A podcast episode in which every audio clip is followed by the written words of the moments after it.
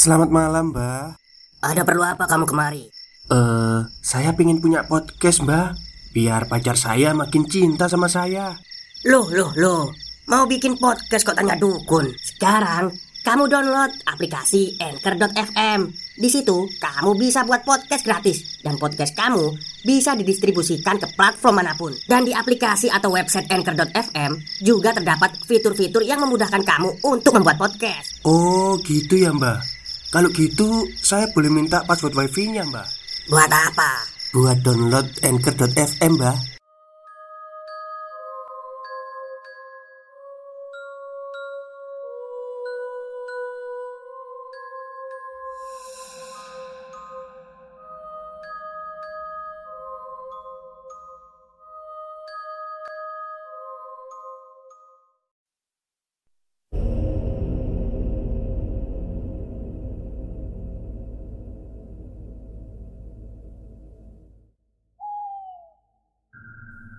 Assalamualaikum warahmatullahi wabarakatuh. Halo semuanya Jumpa lagi dengan saya Chow Sing Sing Kurator dari podcast Horror Night Story. Halo apa kabar semuanya? Semoga kalian semua sehat-sehat ya. Dan seperti biasanya pada siang hari ini Saya kembali dan akan menghadirkan sebuah kisah mistis untuk kalian semua. Kisah mistis kali ini saya dapatkan dari kiriman email. Ya, sebenarnya saya disarankan ya. Jadi ini treat dari treat horror dari akun Twitternya Mbak Meme yang menceritakan tentang tempat kosnya. Oke, daripada kita berlama-lama, Mari kita simak ceritanya. Terlihat netra omah putih, terlihat batin omah abang. Kowe lek gelem melu aku. Tak dudui kelakuane koncomu biyen ngorak-ngarik omahku iki.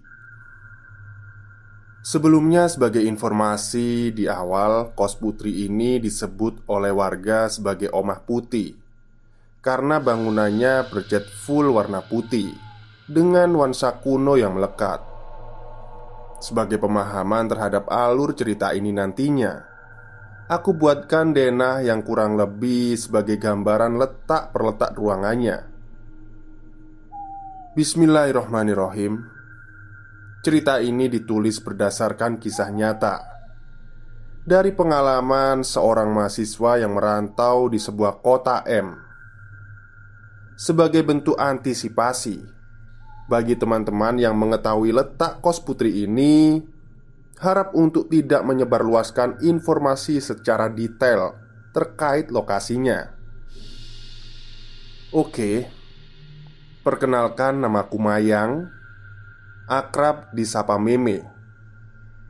Pada tahun 2019, aku dinyatakan lolos seleksi perguruan tinggi negeri di salah satu kota di Jawa Timur. Kita sebut saja kota M. Sebelumnya, aku tidak pernah sekalipun menginjakan kaki di kota itu, dan tidak juga memiliki sanak saudara ataupun orang yang dapat aku tanyai tentang bagaimana universitasku itu, bagaimana gemerlapnya kehidupan di sana, termasuk di mana aku harus mencari tempat kos.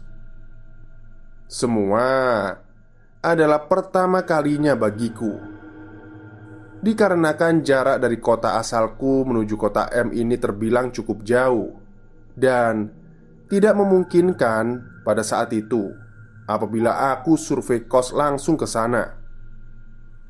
Aku pun lebih memilih untuk mencari kos melalui kiriman informasi dari teman-teman di grup angkatan saat itu. Di pikiranku hanya satu: aku tidak mau membebani kedua orang tuaku dengan merengek meminta kos eksklusif sebagaimana seorang mahasiswi.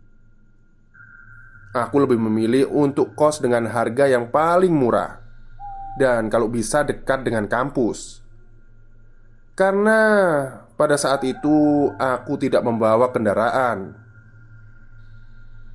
Namun, aku menyesalinya.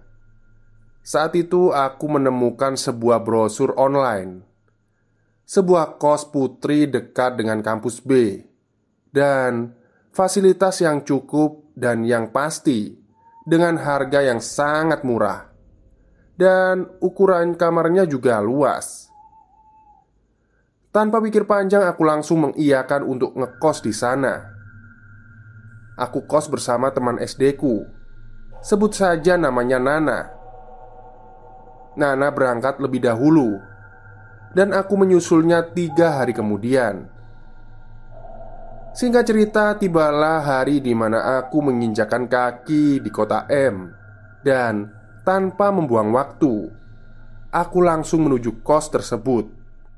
Oh iya, saat itu aku sudah diundang di grup obrolan lain oleh pemilik kos dan sudah berkenalan pula dengan mbak-mbak kos yang ada di sana sebelumku.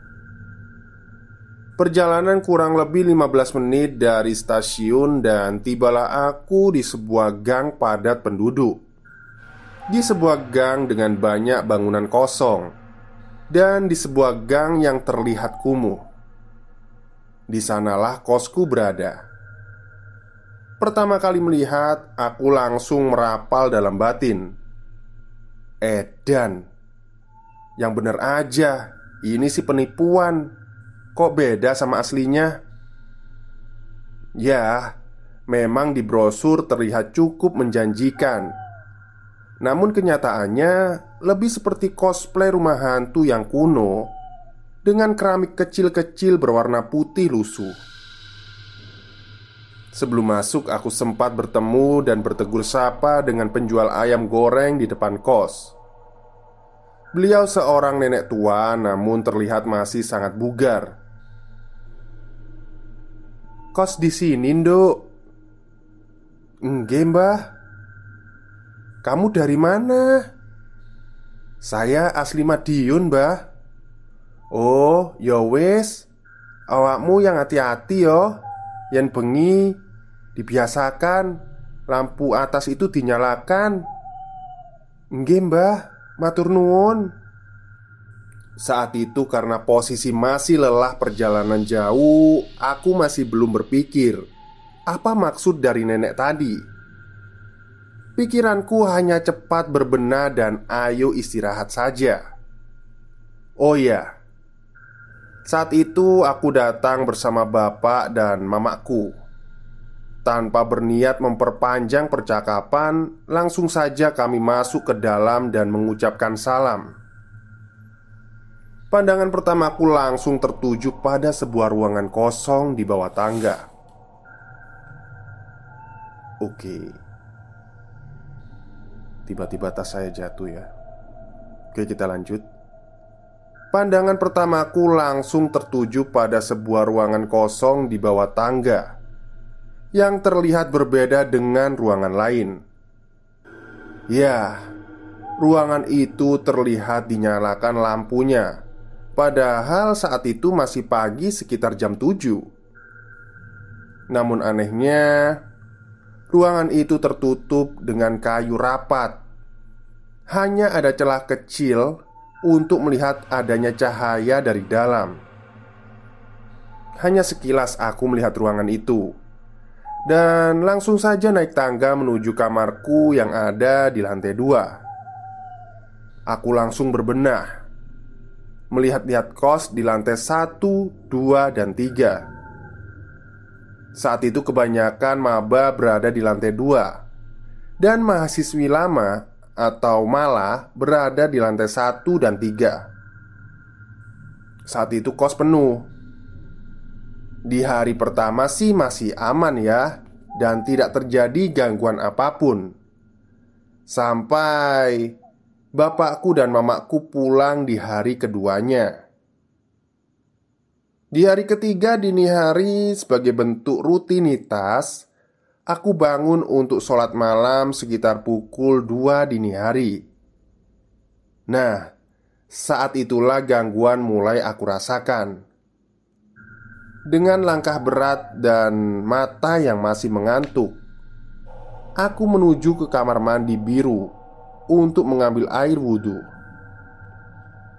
Saat itu, aku masih mengingat dengan jelas bahwa tiga kamar di samping kamar mandi biru itu belum ditempati oleh si empunya, dan di lantai dua hanya tersisa aku, Nana, dan Mbak C.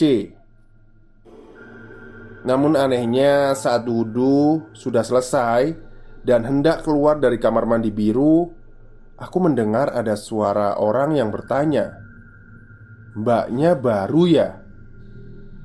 Spontan aku menjawab Sambil masih menunduk merapikan celana panjangku Iya mbak, baru dua harian di sini Tapi Saat aku menengadah ke atas tidak ada seorang pun di sana. Saat itu aku masih berpikir, "Alah, paling halusinasi doang. Kan baru pertama kali ngekos. Wajar sih kalau sedikit-dikit agak parno." Wajar.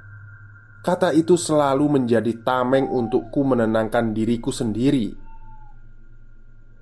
Kemudian Singkat cerita, di hari ketiga Aku sudah berkenalan dengan si dia Dan di hari pertama kali mos kampusku Aku kembali bersapa dengannya. Namun sedikit lebih ekstrim saat itu. Mos mengharuskan maba untuk berangkat ke kampus jam 4 pagi. Oleh karenanya aku sudah mempersiapkan diri untuk tidur lebih awal agar aku bisa bangun lebih pagi. Saat itu aku mulai tidur setelah sholat Isya Sekitar jam 8 malam. Tiba-tiba aku terbangun pukul satu dini hari Di mana masih satu jam seharusnya aku bangun Karena alarm aku setting di jam 2 Namun saat di jam 1 itu aku merasa seperti ada benda dari atas yang jatuh menimpa perutku Dengan sangat keras dan terasa sakit Anehnya, aku merasakan sakit namun tidak bisa bangun. Tidak bisa bergerak atau bahkan mengucap istighfar pun aku tidak bisa. Ya, ternyata aku rep-repan kalau orang Jawa bilang. Rep-repan itu ini ya, ketindian ya. Sekitar 30 detik tubuhku kaku. Namun aku bisa merasakan benda itu masih ada di perutku. Sampai akhirnya aku berhasil menggerakkan tubuhku dan membuka mata. Dan yang kulihat Sebuah gumpalan rambut Menggelinding jatuh dari atas perut ke lantai bawah kasurku Kemudian menghilang. Saat itu aku shock. Aku langsung bangun dan melakukan sholat malam saja namun juga tidak terlalu shock karena pada dasarnya aku memang sedikit sensitif mengenai hal yang bersinggungan dengan dunia yang tak kasat mata. Jadi, kuanggap hal itu tidak membuatku terlalu takut. Saat itu aku tidak terlalu memikirkan hal berbau, berbau super, supranatural seperti itu karena hal itu kalah dengan rasa capek dan pikiranku yang penuh dengan uh, kesibukan maba dan perantauan. Di hari berikutnya, masih dalam rangkaian MOS, aku berniat untuk membeli jajanan tugas. Setelah Isya di jam 8 malam, aku turun melewati tangga di mana langsung berhadapan dengan gudang yang saat itu masih tertutup. Saat aku melewati gudang, aku mendengar ada suara seperti kerbau. Ya, aneh memang. Tidak ada satupun warga di sana yang memelihara kerbau. Tidak juga ada yang iseng menonton video sapi mengamuk saat Idul Adha. Namun, aku mendengarnya dan suara itu berasal dari dalam gudang. Suara kerbau yang parau dengan lonceng. Hih, mengingat pun aku masih merinding. Stop, stop. Kita break sebentar. Jadi gimana? Kalian pengen punya podcast seperti saya? Jangan pakai dukun Pakai Anchor Download sekarang juga Gratis Kurang lebih suara loncengnya ya Cring-cring gitu deh Ditambah suara erangan kerbau yang seperti sudah disembelih. Parau. Loncengnya semakin lama semakin bersautan. Alhasil aku lari cepet-cepet beli jajannya Terus langsung kembali ke kamar. Ya meskipun harus lewat sana lagi. Oke lanjut. Setelah kejadian lonceng kerbau itu Dalam beberapa hari setelahnya Aku tidak merasakan suatu keanehan lagi Cuman sebatas perasaan tidak enak saja. Angin dingin yang tiba-tiba lewat tidak bisa dipikir nalar. Hanya sebatas itu, dan tidak lagi mereka menunjukkan eksistensinya. Aku pikir sudah nyaman, maksudnya aman. Namun nyatanya itulah awal dari gangguan yang lebih tidak masuk akal lagi. Dan banyak yang bertanya Ngapain sih nggak pindah aja? Emang nggak takut? Ya jawabannya takut Dan karena memang saat itu ada beberapa alasan pribadi yang untuk aku terpaksa harus tetap di sana. Lepas dari rangkaian mos, ada di mana hari aku bangun pagi untuk beli sarapan di warteg depan kos.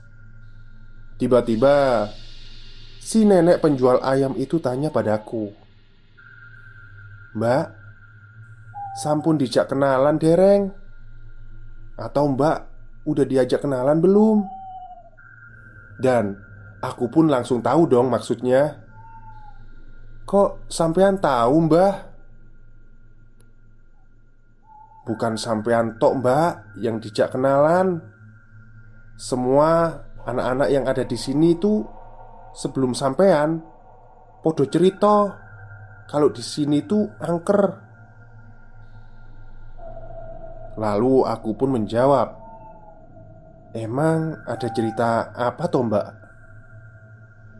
Beliau menjawab dengan entengnya, "Ya, sebentar lagi kan kamu udah tahu, Nduk." Lalu, tanpa berniat menggali lebih dalam lagi, Aku pun langsung masuk kembali ke dalam kos dan bergegas sarapan. Kemudian kembali melanjutkan aktivitas. Tanpa adanya gangguan-gangguan yang mereka tunjukkan saat itu.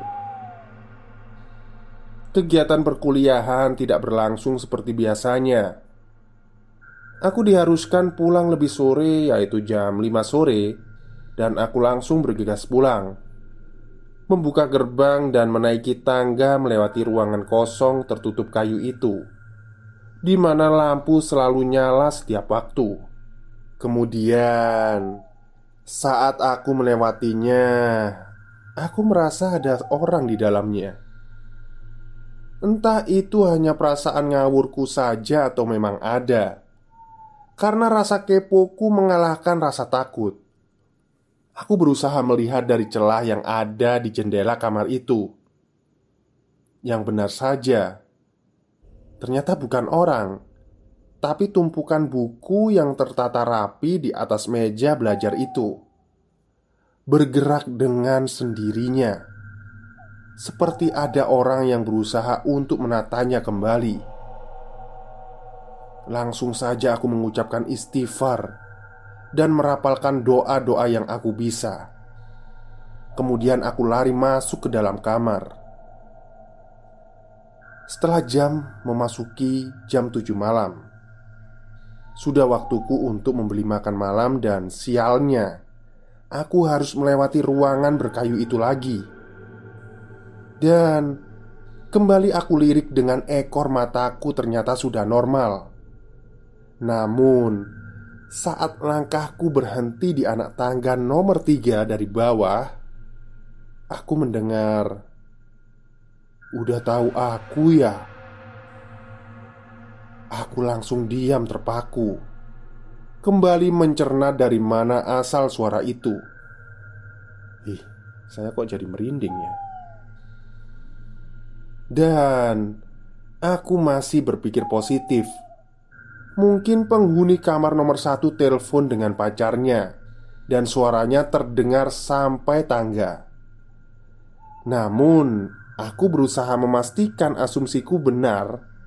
Aku melakukan pesan teks kepada salah satu mbak kosku. Sebut saja dia Mbak Y. Mbak Y, Mbak Yono gitu ya. Aku bertanya, Mbak, ini kamar nomor satu orang-orangnya ada di sini nggak?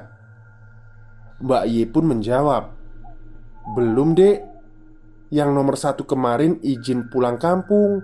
Kayaknya belum balik deh Aku jawab lagi Yang bener aja mbak. Aku denger dia telepon. Loh Ngapain aku bohong? Nih chatnya dia Izin pulang dua hari lagi. Terus aku jawab Terus ini di lantai satu nggak ada orang mbak. Mbak Y pun menjawab lagi Mending kamu lari balik ke kamarmu sekarang. Aku tahu yang kamu maksud. Dengan hati yang berdebar Aku menghiraukan pesan Mbak Y dan lari ke kamar. Setelah sampai di kamar aku merapalkan doa. Karena hanya itu yang aku bisa dan aku pun kembali tidur dengan perut yang kosong.